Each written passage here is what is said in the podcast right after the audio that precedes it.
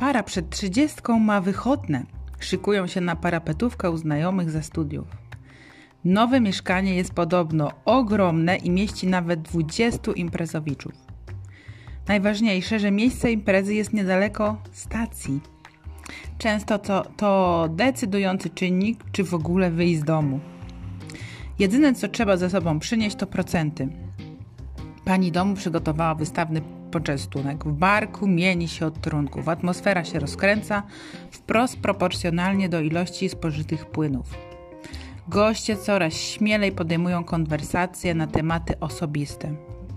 Jest również towarzystwo polskie.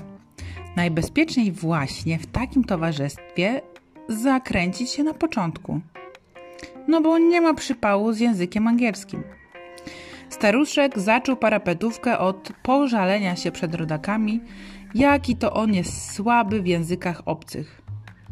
Potem zaczął nieśmiało zagadywać do innych nacji. A jak skończyły nam się drinki, to wysłał mnie i koleżankę do sklepu za rogiem.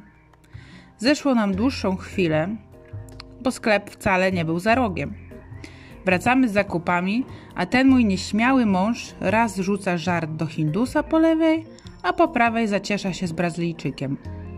Koleżanka patrzy na mnie ze zdziwieniem i mówi: On mi się przed chwilą żalił, że słabo mówi po angielsku.